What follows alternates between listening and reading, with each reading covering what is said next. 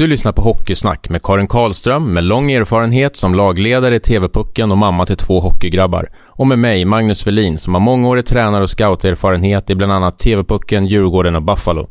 I den här podden snackar vi om hockey på ett annorlunda sätt med intressanta gäster och ämnen. Podden sponsras av Athletic Work.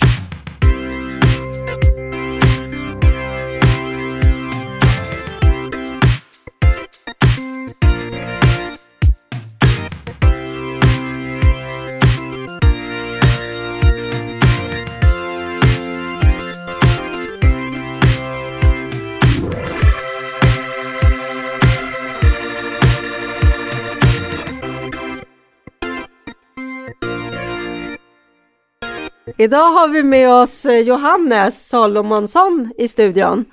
Japp, Hur mår du då? jag mår mycket bra. Ja, Det är eh, harmo på alla plan.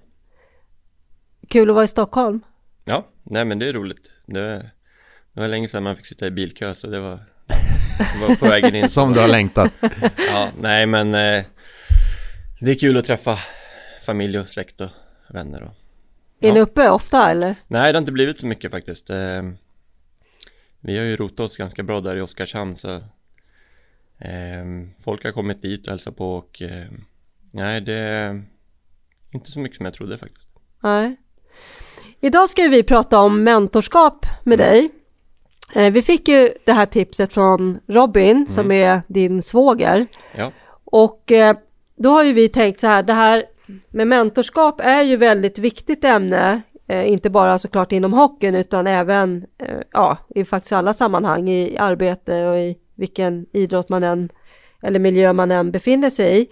Eh, men vi, vi frågade en kille som jobbar med dig där du är nu i Oskarshamn. Och då, då skriver han så här om dig att du är en stor ledare i gruppen som vågar och stå upp för gruppens mående och även öppet kan ta det när alla är inklusive, eh, även ledare då är med. Du är alltid 100% på träningar. Eh, största som jag tycker att hela Oskarshamn ska känna till, det är att du har sålt ditt hus. Och många andra spelare, de brukar ha, ha en annan utgångspunkt än där, eh, där, där de är, utan de brukar alltså ha utgångspunkten där de kommer ifrån, men det har inte Johannes. Eh, och det visar hur han verkligen går in helhjärtat för Oskarshamn och satsar allt. Och det där är ju fint. Mhm. Kan du det gissa låter vem som... ju mer som någon typ av ledare. Ja, det är det.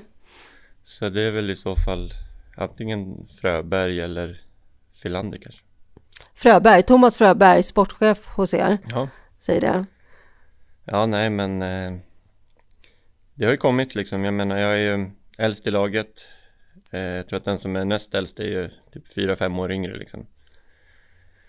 Så eh, när man märker att det man säger betyder någonting att man faktiskt har den respekten då blir det på något sätt lättare. Det är ju tufft som ung att liksom ja men att stå upp och man, man är inte bekväm med det. Men nu har jag hamnat där i liksom vart man står i hierarkin och att nu säger jag vad jag tycker och tänker. Och, och jag tycker att det har liksom varit positivt.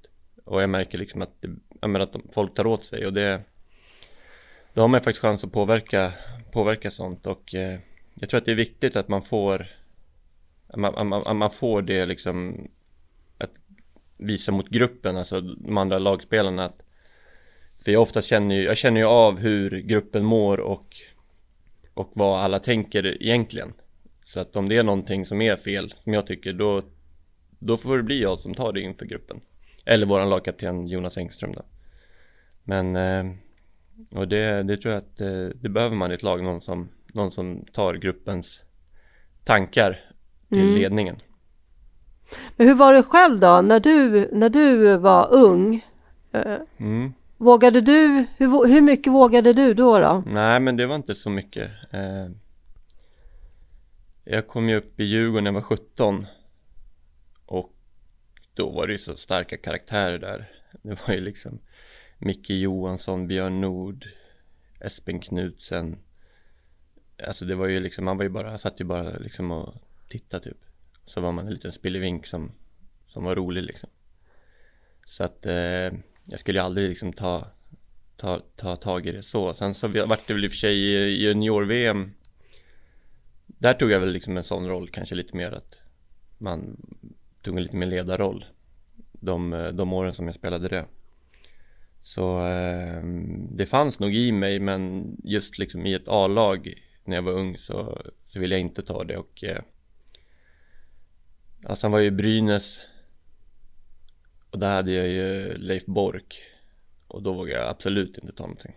För att han eh, han var ju ingen liksom tränare som gynnar unga spelare skulle jag säga. Utan han var ju ganska eh, men nedtryckande och han körde lite det här, jag upplevde i alla fall som att det var lite härskarteknik alltså. Och då blev det ju en härlig, härligt skifte sen till när jag fick Roger Melin och hade han i fem år där började man väl ändå känna att man vågade man kunde faktiskt säga saker men det är ju väldigt mycket, det är väldigt mycket hierarkier alltså omed, det är inget liksom som är skrivet i sten men man märker ganska snabbt när du bygger ett lag ja men hierarkier liksom mm. och, och där tror jag det är viktigt nu som ledare att man för det upplevde jag att man verkligen känner att alla måste få säga sin sak att de unga killarna, att man bjuder in till att man, man kan fråga någon, vad känner du för det här? Vad tycker du? Vad tycker du liksom om vårt boxplay? Så säg vad du tycker. Så kan han säga det till mig i alla fall. Mm. Och det tror jag, för sådana frågor fick inte jag så mycket när jag var ung liksom. Det var som att, nej men han är ung och, och vilsen liksom, skit i han. Så det tycker jag att där har jag försökt ta in att försöka få med alla, även de yngre liksom, att känna att de, har, de är lika viktiga egentligen. Mm. Mm.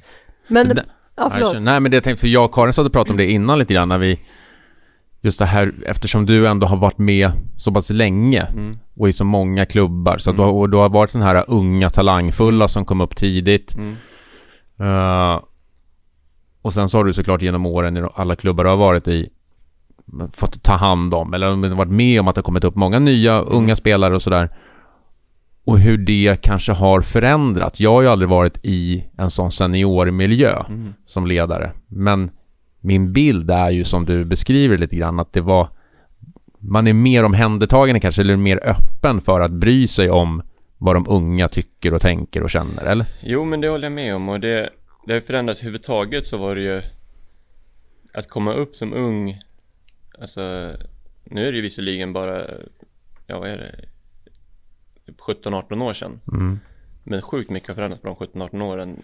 Det var ju mer här, du kommer upp, ställer dig sist i matkön, plockar puckarna, bär trunkarna. Mm. Det fanns kvar när jag kom upp. Mm. Och det har ju suddats ut. Helt och hållet eller? Eller finns jo. det delar av det kvar i någon form av så här fostran Nej, men sen, ty typ, sen, sen, tycker jag också att man ska, man ska ändå när man kommer upp som ung ska man ändå ha respekt. Mm. Och det, där tycker jag det går lite, dels tycker jag att vi äldre spelare är schysstare Mm. Och det där liksom machokulturen har ju blivit annorlunda i hockeyn. Mm. Men sen tycker jag fortfarande att det finns vissa unga som som kommer upp och är helt obrydda, liksom lägger sig med fötterna i soffan och där tycker jag fortfarande att man ska ha någon typ av balans att ja. man kommer upp och visar att här har ni liksom, jag är ödmjuk och vill ta mig in i gruppen men de som kommer upp med en med attityd, det blir tuffare för dem att komma in i gruppen mm. och få respekten från de äldre spelarna. Mm. Men, men det har ändå liksom blivit en ganska markant skillnad från hur det var förut. Men, eh, men sen så ska man ju ta för sig. Jag menar, det är jättebra att de unga liksom, att de liksom, här är jag, jag ska ta en plats. Det, det har jag inget emot. Nej. Men utanför isen så ska, tycker jag ändå att men liksom vara ödmjuk och fråga och, och liksom erbjuder gärna liksom kan jag hjälpa, kan jag hjälpa materialen med lite grejer, mer så. För nu, det är ju inga krav längre att man ska det. Nej. Som liksom, men jag kommer ihåg i Djurgården, jag fick knappt stå först i kön på en övning liksom. Det ja. var någon som drog en i ryggen, hörru, bak liksom. Ja. Så att, eh, nej men det har, det har förändrats till det positivare tycker jag. Mm. Men har du haft någon, eh, när du då var ung och kom upp i seniorhockeyn sådär, var, hade du någon som tog hand om dig eller som du kunde få hjälp av? Ja men, alltså jag tycker, alltså så här rent träningsmässigt så hade du ju då typ Staffan Kronvall och John Odoja de visade ju liksom, tycker jag, vägen när det gäller till att ta hand om, ta hand om kroppen och, och, och, och träningen. Där vi, även om jag kanske inte följde allt som de gjorde, så de var ju väldigt, väldigt proffsiga liksom. Det var en grupp där som var det och sen så Sen hade du några äldre spelare liksom som Ja men kanske gillade att gå ut på Stureplan efter en vinst Och sen var jag ju där NHL-lockouten också och då kom ju ja men José Eodor och Dan Boyle och, och, och några in liksom och det var lite en annan kultur, det var ju mycket fest och så då tyvärr så kanske jag hakade mer på dem i den åldern Mm. att ut och ränna istället för att hänga på Doja och Kronwall in i gymmet liksom Ja. och eh, ja, det vart ju så jag tittade på dem och de var förebilder och de tyckte det var kul att jag var med liksom och, och jag tyckte det var kul att vara med och eh, det är någonting nytt liksom och lite häftigt sådär så då eh, nej det blev lite där kan där var liksom en ja slarv, känns som man slarvade bort mycket utav ta hand om kroppen på att Mm. man tyckte annat var för kul så det eh, ja de har gjort ett par operationer också Ja. Ja, men jag tänker på det. Du, du har ju, eh, nu är det höften va? Som, Ja, precis. Jag, vi kan ju bara rappa igenom. Ja, bara för rappa för när igenom. man läser om dig så är det vä- väldigt mycket så här. Och där blev han skadad Mm. och sen blev det stopp där för en ny skada och sådär. Så jo, det, men, nej, men det har varit en tuff väg. eh, Men jag tror att det är det som, när jag summerar min karriär, jag kommer vara mest stolt över det. Att jag liksom inte gett upp, utan jag har tagit mig igenom tre axeloperationer, ehm, fyra höftoperationer eh, och, eh, och, och, och allt sånt där. Det är liksom att jag inte har gett upp. Utan det var ju en period i, i Tyskland när jag spelade där. Det började egentligen mitt sista år i Linköping att jag kände att jag kan ju knappt trycka ifrån med mitt vänsterben och så Ja, gick det tufft det året. Det blir ju så om du inte har kraft i benet så det är tufft att, att prestera liksom. Och eh, så fick jag ett kontrakt i Tyskland och eh, man bara fortsätter käka smärtstillande och eh, ja, men det gick ju så långt där i Tyskland att jag fick inte på mig strumporna själv liksom. Och Mikaela knöt skorna på mig liksom. Och då skulle jag ut och spela ja men i Köln där jag spelade skulle man ut och lira match inför 18 000 liksom och prestera. Och det ena leder till det andra och när en, en grej i kroppen inte lirar då kanske du snedbelastar med ryggen och så. Till slut hade jag ju känt mig att jag hade ont överallt. Och då var jag så här, nu, måste, nu, nu vet jag inte vad jag ska göra för att alla läkare sa ju att det, det finns ingenting man kan göra åt den här. Du har artros i höften och det är en förslitningsskada Mm. och eh, det är ben mot ben i höftleden då brosket är utnött så att det liksom gnuggar och blir inflammationer hela tiden så då var det ju, då var man ju så här, ja, men sen fick jag ändå ett kontrakt i Iserlohn då, också i tyska ligan. Och det året var ju mörker liksom, det var ju, jag kom inte upp i någon nivå alls. Det var smärta konstant liksom och, nej det var, det var på botten så då, av en slump så, eller slump, jag sökte ju liksom överallt, bara, finns det någonting man kan göra? Fick jag höra om en, en läkare i Tyskland som, som eh, hade opererat en kille i KL så började jag forska i det där och eh, beställde, bestämde ett möte med honom och då sa han att eh, eh, jag kommer fixa dig. Och jag bara va? Ja, nej men jag, det här är inga problem. Vi, vi, vi, vi jobbar med metoder för elitidrottsmän och eh, eh, ja, med den här typen av operation så kommer du liksom få en protes men den kommer vara så pass stark så att du kommer kunna lira. Så då gjorde jag, åkte jag dit på vinst och förlust. Det var ju så här, antingen lägger jag av och spela eller så gör jag det här. Och så eh, åkte jag dit och gjorde den och sen så helt plötsligt fick jag en helt, helt ny fart på karriären. Jag har egentligen gjort mina, mina bästa år sista åren i karriären. Eh, och eh, det är ju för de här operationerna har varit lyckade. Och så nu i år så började jag känna samma sak på högen då. Så då tog jag beslutet i februari, eh, eh, runt nyår att eh, Ja, men jag gör andra höften också för att det blev så lyckat. Jag känner ju ingen smärta i vänstern efter operationen. Och har, ja, det är helt magiskt. Så nu har jag gjort högen också. Så nu har jag gått tre månader sedan jag opererade högen. Och eh, ja, som det känns nu, nu kan jag i stort sett köra full fys. Och kommer vara helt återställd till säsongstart. Så nu kommer jag förhoppningsvis ha två höfter som som är som höfter ska vara. Och, eh, men visst, jag har ju liksom två proteser. Så det är ju sjukt att man lirar hockey med två proteser. Man har liksom, alltså man har så här metall i vänster, metall i höger, så man har metall i axeln. Så man känner ju så här typ, alltså om någon, efter, jag, efter jag opererar mig så typ, om jag typ, om det blir så här friktion, att jag typ gnuggar mig i nacken eller någonting. Då kan jag få någon så här elektrisk stöt för det är så mycket så här plus och minuspoler så det bara, boom, bara smäller till. Man är så här Robocop när man går genom flygplans. Jag tänkte säga det, du kan aldrig Det gå bara bling, igenom. bling, bling, bara piper och då... Det så här. Nej, så att man är som en liten Robocop innanför huden, men... eh, Men eh, jag känner fortfarande så här, det blir nästan bara roligare och roligare med hockey och jag vet, ja, nu fick jag ju känna på, jag skulle ändå säga för förra säsongen och säsongen innan det, då, då tyckte jag att jag spelade utan smärta. Och, och hur kul det var med hockey då och känna att hur, hur bra jag ändå spelade i, ja men den åldern jag är och liksom allt man har gått igenom. Det var, det är bara för, gör att man får ännu mer driv liksom. Så jag, jag är liksom övertygad om att jag har min bästa säsong framför mig nu liksom och kanske några till för att jag tror att jag har tagit ikapp. Jag tror att jag var en stor talang som slösade bort mycket på mycket fest och dåliga val. Eh, tog inte hand om kroppen, kroppen har fått lida. Nu har jag liksom fått tagit mig över det.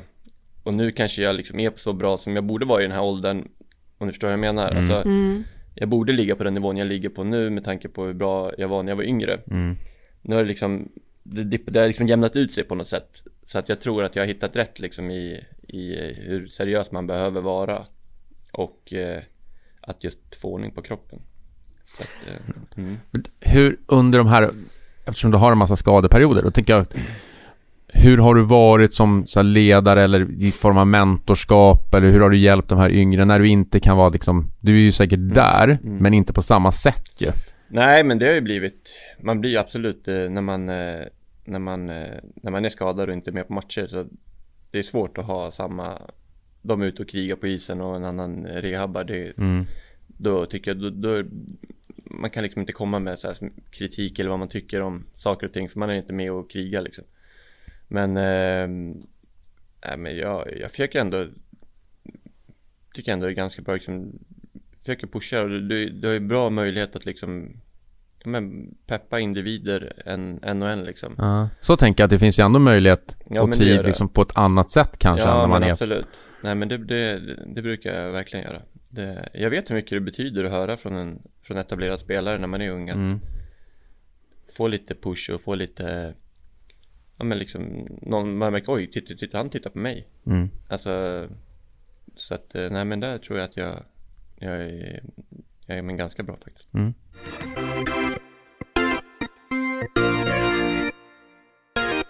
Vi är sponsrade av Athletic Work. Athletic Work är ett bemanning och rekryteringsföretag som hjälper personer med någon form av idrottsbakgrund på alla nivåer. Från idrotten får man med sig goda egenskaper som är viktiga på arbetsmarknaden. Viljan att vara bäst och prestera sitt yttersta på tävlingsplanen, som på arbetet, är det mål som Athletic Work och deras konsulter strävar efter. Athletic Works vision är att skapa ett idrottslag på arbetsmarknaden. Det har idag hjälpt flera personer ut på arbetsmarknaden och av egna erfarenheter vet jag att kontakt med Athletic Work faktiskt leder till jobb. Så om du letar efter ett nytt jobb, tveka inte att höra av dig på www.athleticwork.se. Tack Athletic Work!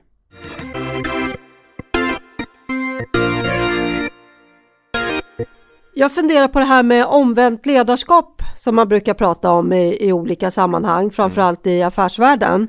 Eh, och det innebär ju att man, att man lär av en ung, så, att, eh, så att unga ledare eh, får lära äldre ledare. Och det behöver inte vara ledare, men, men hur ser du på det? Är det något som en, en tränare skulle kunna ta hjälp av, en, kanske inte den yngsta spelaren, men en spelare som, som inte har all erfarenhet.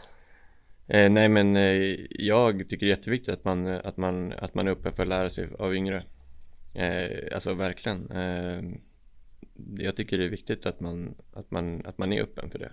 Eh, jag, eh, nej men jag, alltså framförallt tycker jag också att haka på de ungas driv och, och, och liksom de är uppåt, vill framåt i karriären. Alltså, att man pushar dem till dels att fortsätta att göra det på isen, liksom att de tar för sig och kör. Och jag menar det gör ju liksom Jag sa det, vi värvade någon eh, Någon ung kille från Malmö som sa, sa tränaren att men det är sjukt bra driv, han kommer tävla på träningar och allting liksom. Så men fan vad skönt, då har man någon att liksom bli förbannad på. Någon sån här jobbig liten junior som du vet som, Det drar ju igång en annan. Så att, eh, nej men Absolut, jag, är- det, jag ser inget liksom fel med det. Nej. Ja, då är det ju bra både för gruppen och, och men, men just det här med ja, när man som, som eh, äldre kanske blir lite utmanad också. Ja. Nej men det spårar ju, det, och det tror jag är Det är väldigt viktigt liksom och det är viktigt också att man, man, man ska inte ha någon plats bara för att man har varit med länge utan Man ska ju ha en plats för att man, för att man är bra på hockey Alltså så är det Mm. och Nej jag, jag tycker det, jag älskar de här unga killarna som kommer upp på träningar ibland från juniorerna och liksom och smäller på och är jobbiga liksom och tar ingen skit. Alltså på isen tycker jag, då älskar jag det. Men sen ska de vara ödmjuka i omklädningsrummet på ett bra sätt.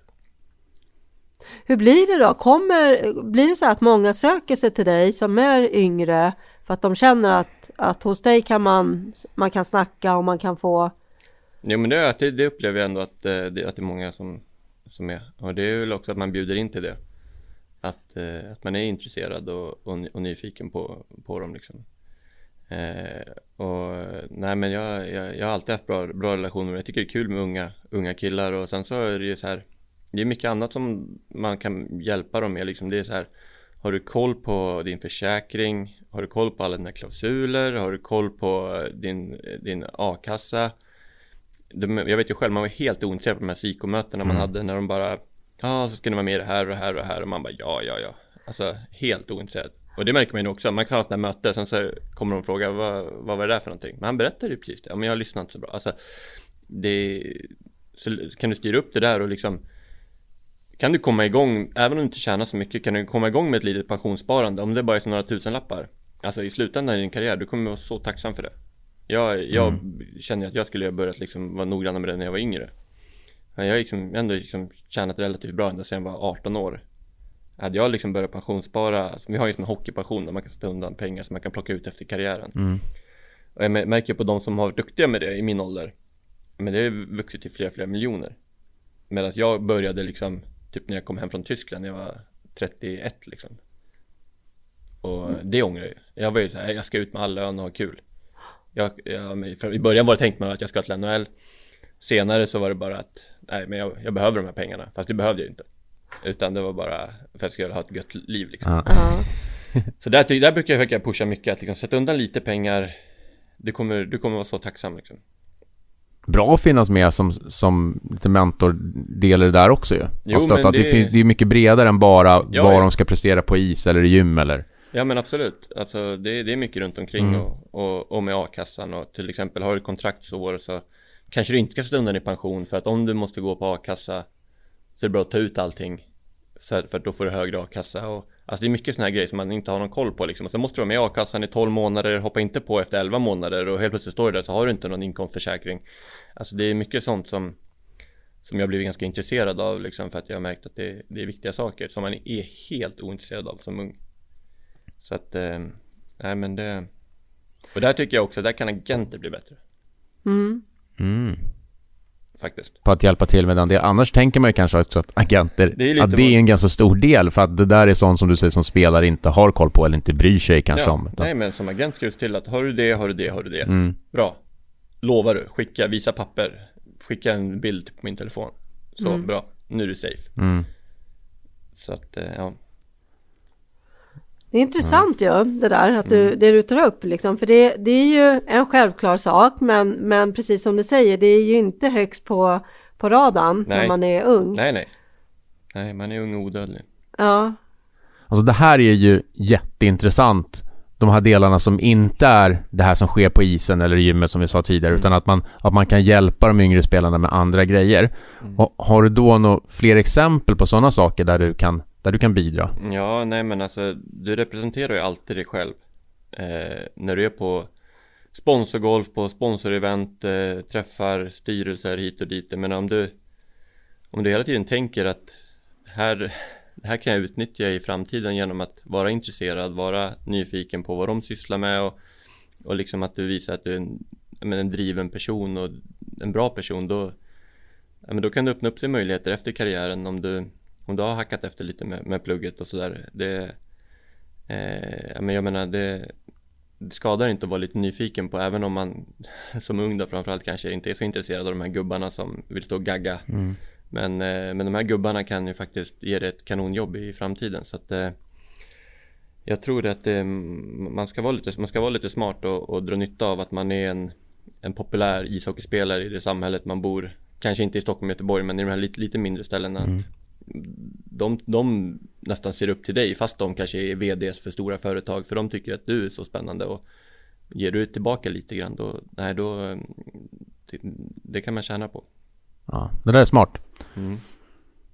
Och jag tror att det där handlar ganska mycket också om hur man är. Mm. Har man en, en uppriktighet i sitt intresse och Mm. nyfikenhet sådär, då blir det ju, eller hur? Ja, ja men sen är det också, det är ofta väldigt intressant när du väl tar dig tid att lyssna på hur de har byggt upp ett företag eller, Mm. eller vad, vad, vad liksom, hur, hur, hur de började och jag menar det, det, nej, men det är väldigt mycket intressanta människor oftast runt en ishockeyförening för att ja, oftast har de lyckats med någonting för att de är med och pyntar in pengar och så att det, det, nej, jag tycker det är jätteintressant.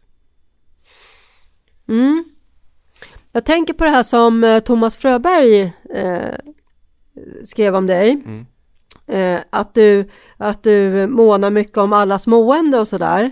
Hur, hur, hur gör du det då, liksom rent... Alltså, jag tänker, du går ju inte runt och tar tempen på alla, Nej. utan är det bara att du har extrema känselspröt, att du har en fallenhet för det, eller? Dels tror jag att jag har en fallenhet för att jag, jag vill att folk runt omkring mig ska må bra. Eh, jag tycker om när det är en avslappnad stämning utanför isen. Att man garvar och har kul. Och sen när man är på isen då är det full, full tävling. Men jag tror jag har lärt mig mycket faktiskt från eh, Roger Melin där. Eh, han är ju mästare i att skapa bra harmoni och, och, och stämning. Jag menar han, eh, alltså jag minns ju, han såg ju verkligen människan hela tiden.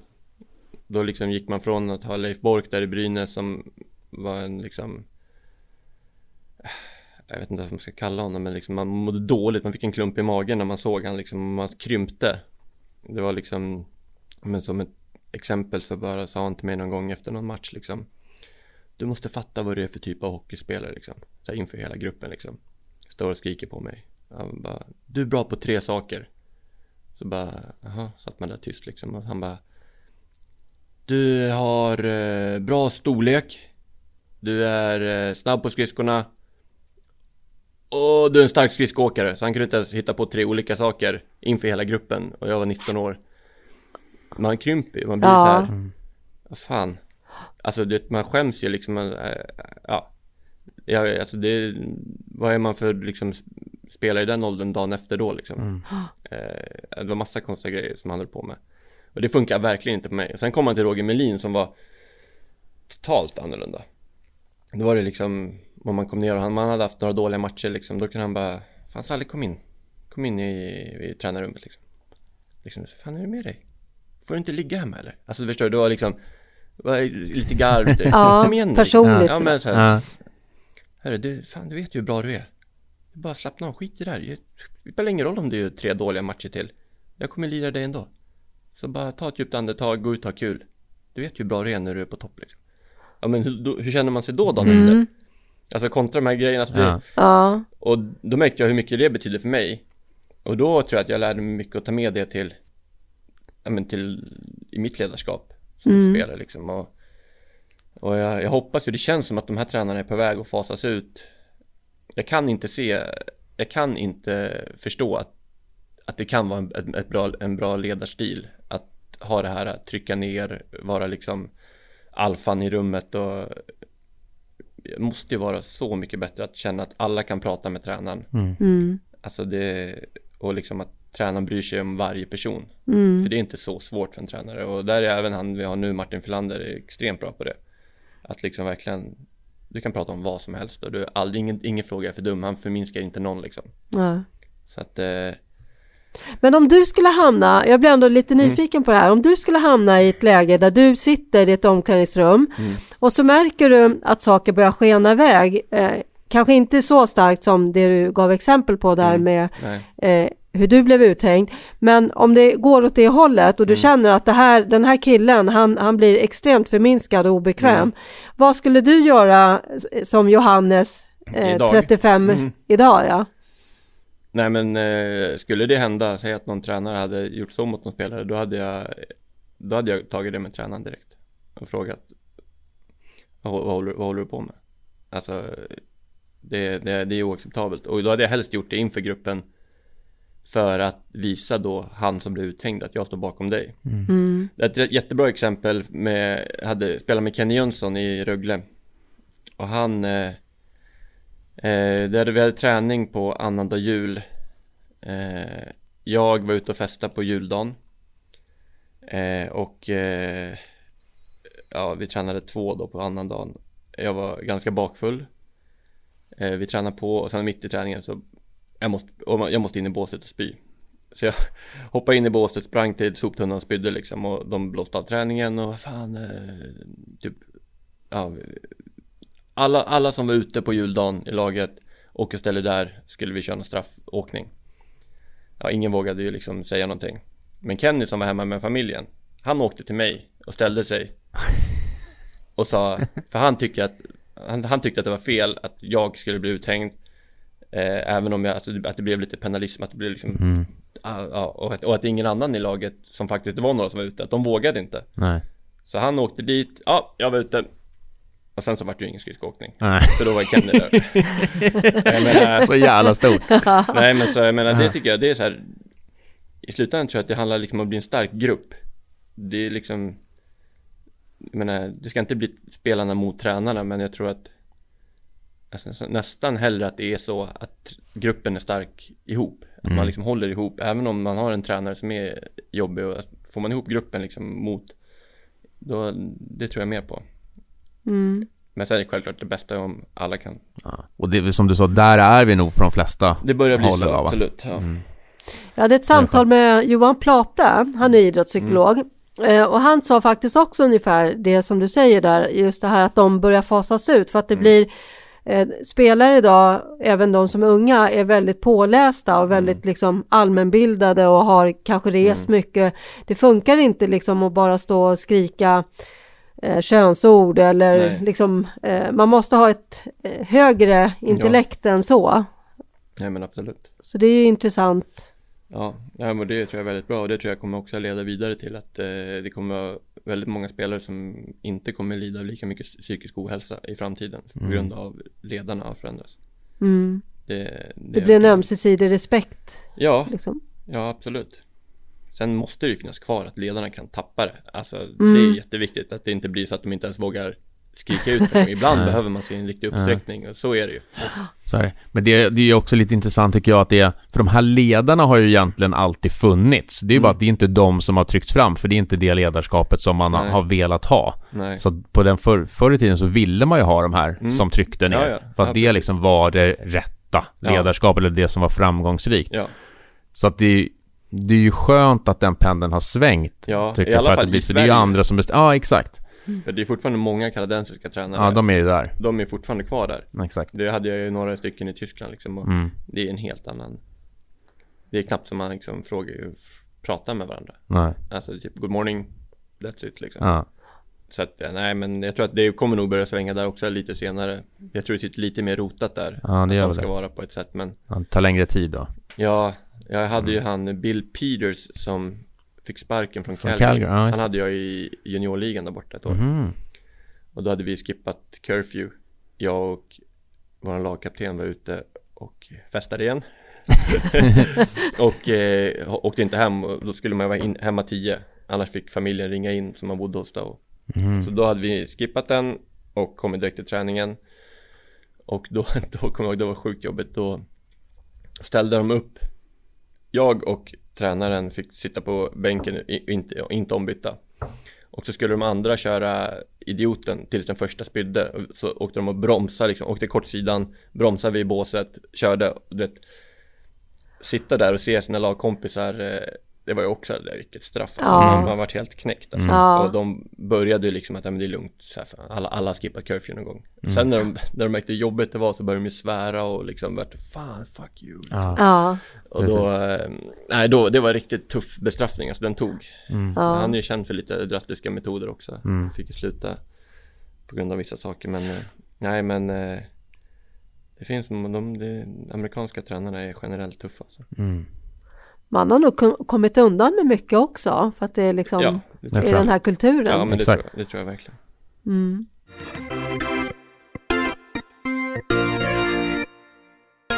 Vi börjar närma oss slutet på det här Johannes och då tänkte jag bara att du skulle få sammanfatta lite grann som några tips både till till de som, som faktiskt kan agera som mentorer där ute eh, och även de som är mottagare av mentorskap. Nej, ja, ja jo eh, Nej men alltså Jag känner, för det första om du kan hitta någon Om du kommer upp i ett A-lag eller ett J20 eller ett J18 Om du hittar någon som som du vill ta rygg på så kan man ju försöka börja med att hitta någon, någon, någon i ditt lag som man, som man litar på som, som verkar skjuta och som gör bra saker. Och sen så tycker jag ju liksom, för mig är ju alltså den, den mentala aspekten av det hela det är absolut viktigaste hockey. Alltså det är, eh, för mig så är det liksom Jag ska säga att det är 80% hur du spelar på isen. När man kommer upp till en viss nivå kan åka skridskor och skjuta och dribbla och se spelet och allting Då handlar det bara om att hitta rätt mentalt. Och där, ju tidigare du kan knäcka den nyckeln eh, Till vad som funkar på dig, vad som triggar dig, vad du gör när du, när du, när du kommer ner i i, i liksom dippar eh, Om du kan liksom under några år bygga fram att shit så här fungerar jag. Och lära känna dig själv.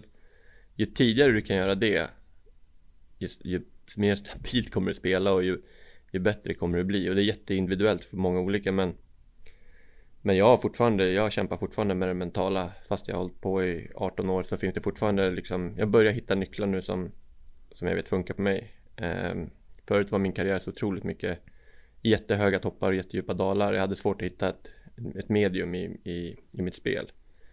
Eh, men, eh, men så har jag, jag, jag, jag har faktiskt sökt mycket hjälp och, eh, och det, har, det har betytt sjukt mycket för mig de senaste åren här. Så eh, sen är jag ju inte, jag är inte Alltså jag, jag är lite gamla skolan när det kommer till, om du, om du, om du läser en intervju med Foppa Sudden, Lidas Det alla säger det är ju, håll på med mycket idrotter. Alltså, var bred, testa mycket. När du frågar alla dem, då är det det. När du liksom Kolla nu i dagens, då är det typ satsa på hockey när du är tio år. Eh, du, kan inte, du kan inte spela fotboll för att det tar för mycket tid. Du måste sommarträna redan när du är tio. Gå på, föräldrarna ska betala flera tusen i veckan för att du ska lära dig åka på något ytterskär och ha handen i isen och vända snyggt. Alltså, det där till, till en viss del jättebra att kunna sånt men det är inte ens i närheten av hur mycket det mentala betyder. Alltså, det, jag är helt övertygad om det. Och eh, jag tror ju liksom mer på att hålla på med mycket och, och, och ja, men liksom hitta, fortsätta försöka ha glädjen så länge som möjligt i, i hockeyn. Liksom. Jag kan inte se att det kan vara bra för de här tioåringarna som går all in redan nu och åker runt hela Sverige för att för att kunna liksom vända lite snabbare till baklänges. Det, för mig är det orimligt, men ja, det är min åsikt. Uh -huh. Jag, jag, måste bara få fråga en sak, eh, för du är ju pappa också nu mm. eh, och din äldsta är ju sju år mm. och spelar hockey. Mm. Eh, bara nyfiken sådär på hur ser du på, nu, nu får du ju en, ytterligare en roll. Mm. Eh, hur, hur agerar du där? Nu kanske det liksom bara är, jag tänkte på lek allting, ja. men det Nej, blir men Nej men det, det, det kommer säkerligen vara någonting nytt eh, eh, Jag vill ju bara att han ska tycka att det är kul Alltså Och jag hoppas liksom att Att jag kan förmedla det eh, Nu har han ju liksom fattat redan nu att han är duktig och redan nu tycker jag att man börjar se att han har Börjat ställa vissa krav på sig själv Och det där är svårt eh, Märker jag Hur gammal är han? Sju år okay. Han är sju år och, och så kör han, eh, han kör med någon som är tre år äldre redan Eh, han är uppväxt, han har ju varit med, han har åkt skridskor sedan han var två och ett halvt liksom. Och ja, men han vet, han vet om att han är duktig. Men samtidigt, så nu jämför han sig med, med de här som är tre år äldre och nu är han ju typ medel i det laget. Och, och det är ju tufft för han att inte vara bäst och inte göra alla mål och, och det där är, det är inte så lätt som jag trodde det skulle vara och, och liksom försöka få honom, jag, jag försöker liksom bara, men det bara ska bara vara kul, men redan nu märker jag att han liksom sätter press på sig själv och det tror jag inte kommer från mig utan jag jag har verkligen försökt att trycka på det, att det ska vara kul och, och liksom, men eh, det, där, det där ska vi jobba fram någonting, någonting bra för. Att han, att han liksom inte får den här prestationsångesten, mm. att han blir deppig bara för att han inte gjorde mest mål på träningen. Alltså det, jag trodde inte att det skulle börja så tidigt med sådana grejer. Nej. Men eh, det där kommer vara intressant att lära sig om. För att jag vill ju verkligen bara, jag vill ju bara pusha och aldrig liksom tvinga till någonting. Sen så är det klart att om de någon gång liksom ja, men jag orkar inte träna idag. Jag tycker att det är inget fel som förälder att säga, nej men vet du vad, nu åker vi och tränar, du kommer tycka att det är kul. För oftast tycker de ju det. Mm. Det är bara att de är lite lata ibland. Och, men, men att liksom verkligen försöka behålla, behålla glädjen. Det, det ska jag verkligen pusha för. Men, men det är svårare än vad jag trodde faktiskt. ja, förståeligt. Det men han spelar fotboll. Ja, förlåt. Ja, nej, men det blir ju en ny situation ju. Om man tänker Ja. sig att, på, att det ska bli på något visst sätt och att det ska funka så här och så. Ja, nej men han har ju sin mentala resa Mm. att göra. Han har liksom, vi, vi alla funkar ju olika. Så man måste ju alltid knäcka sin egen kod. Alltså nu ska inte vi knäcka han sjuåringskod, men inte jag så. Men, men ju längre resan går så han kommer ju liksom behöva jobba med sina saker Mm. mentalt för att hitta en balans. Och där kommer jag försöka hjälpa honom att hitta det så tidigt som möjligt. För jag har förstått hur viktigt det är. Och liksom, ja. Nej men han, ja, men, ja, men han håller ju på, jag fick ju, liksom- han håller på med fotboll och innebandy och och jag, jag, tror, jag tror mycket på det där att hålla på med mycket liksom. Alltså, dels tror jag att kroppen mår bra av att röra sig på, i olika mönster liksom. Mm. Du inte liksom låser kroppen för tidigt Precis. för bara åka skridskor. Mm. Eh, och sen så tror jag liksom att du har, man har igen det liksom. Och jag försöker, jag säger inte att du behöver inte hålla på med någon sport, du behöver inte hålla på med det här, men gör det du tycker, gör det du tycker är roligt. Alltså det försöker jag verkligen pränta in liksom. Men Johannes, sen kommer du hamna i det där kanske också, eh, fast du har så mycket erfarenhet eh, hos dig, så, så kan det bli det här att man inte lyssnar på sin pappa. Ja, Eh, för det är ju ganska vanligt, det har jag ju själv eh, med våran, en av våra söner, så, så hade Magnus sagt på något läger att man ska äta gröt och så kommer, kommer Marcus hem och säger ja, Magnus sa att man ska äta gröt, okej, det, det har vi sagt i alla år, men okej, vad bra att Magnus sa det. ja, ja men det är bra. Så Nej, där det- kan, det är också en utmaning med, som förälder menar jag, fast man har, Ja, vet nej vissa saker. Absolut. Det, det kommer nog komma många utmaningar eh, framöver. Eh, jag anar att det kommer vara en hel del. Eftersom alla verkar tycka att det är kul, till och med ettåringen, att det är kul med hockey och sport. ja. Så att, eh, och alla kommer vara olika tror jag. Eh, men eh, jag är sjukt, eh, är ändå lite förvånad över att, att jag trodde inte jag skulle jag, jag trodde inte jag skulle bry mig så mycket, alltså typ när jag, när jag är med på träning eller tittar Jag trodde inte man skulle bli så typ, du vet såhär Ja, glad i hjärtat om man gör något mål. Alltså, alltså, alltså, jag, jag trodde inte att det var Det är ju, det är ju sjukt, det är ju sjuka liksom band man har med sina, med sina barn. Alltså, man, jag, man förstår ju de här eh, psykoföräldrarna mer och mer. Eh, Men eh, Det här blir ett eget avsnitt. Ja, nej, men, ja verkligen. Nej, men, alltså, man får, man får bita sig i läppen och sen så, jag menar, ofta så är det ju på de, i de här yngre åldrarna så har man ju själv kanske mer er, erfarenhet än vad tränarna har. Mm. Man liksom, det är mer farsor som hjälper till och så måste man också hitta en balans hur mycket kan du lägga i, alltså redan, redan nu liksom. Och Mm.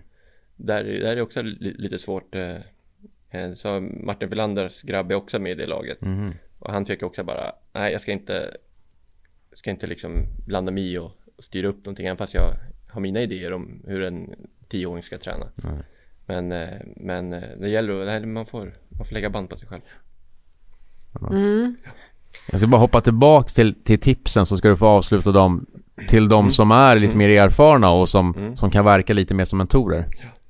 eh, Nej men jag tycker att det absolut viktigaste om du har någon kille som vänder sig till dig och, och vill ha din hjälp det är att du är brutalt ärlig och att du vågar säga saker som är obekväma för att i slutändan kommer just det att du sa någonting som inte han tyckte var så kul att höra kommer göra att han när det verkligen behöver hjälp så kommer han vända sig till dig så att eh, det är så man bygger förtroende genom att inte bara kamma med hår Mm.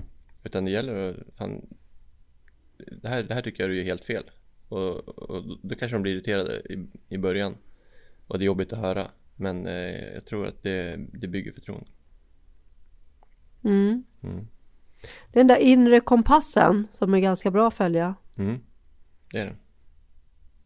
Verkligen. Det läste jag faktiskt någonstans om dig. Mm. Att ehm, du hade en sån väldigt bra kompass som har tagit dig dit du är. Ja, den kompassen har tagit mig till många ställen.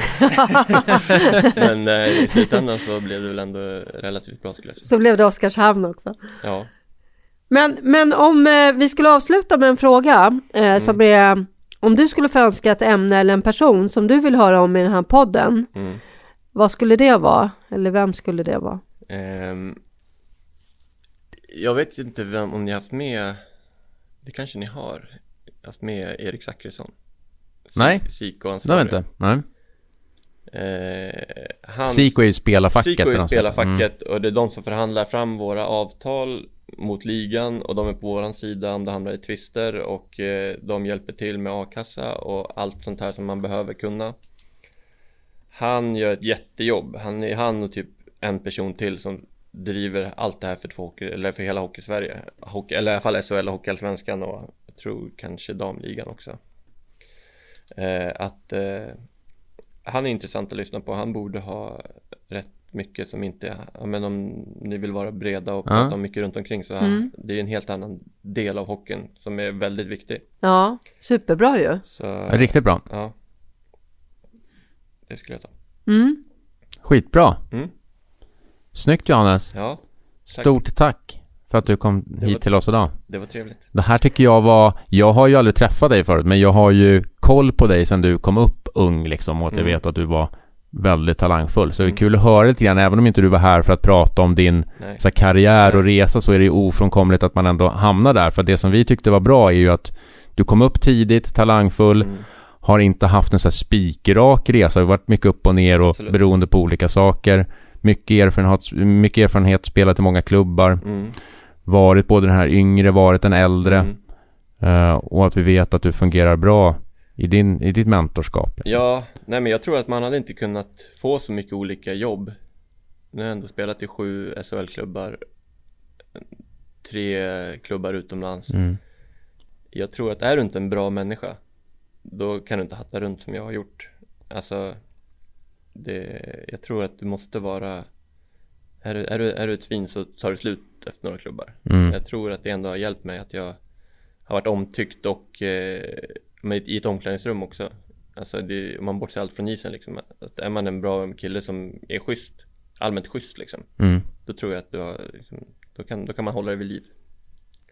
Det har du gjort. Var en bra, var en bra, var en bra människa helt enkelt. Mm. Det tjänar man på. Bra sammanfattat. Ja, verkligen. Grymt. Ja.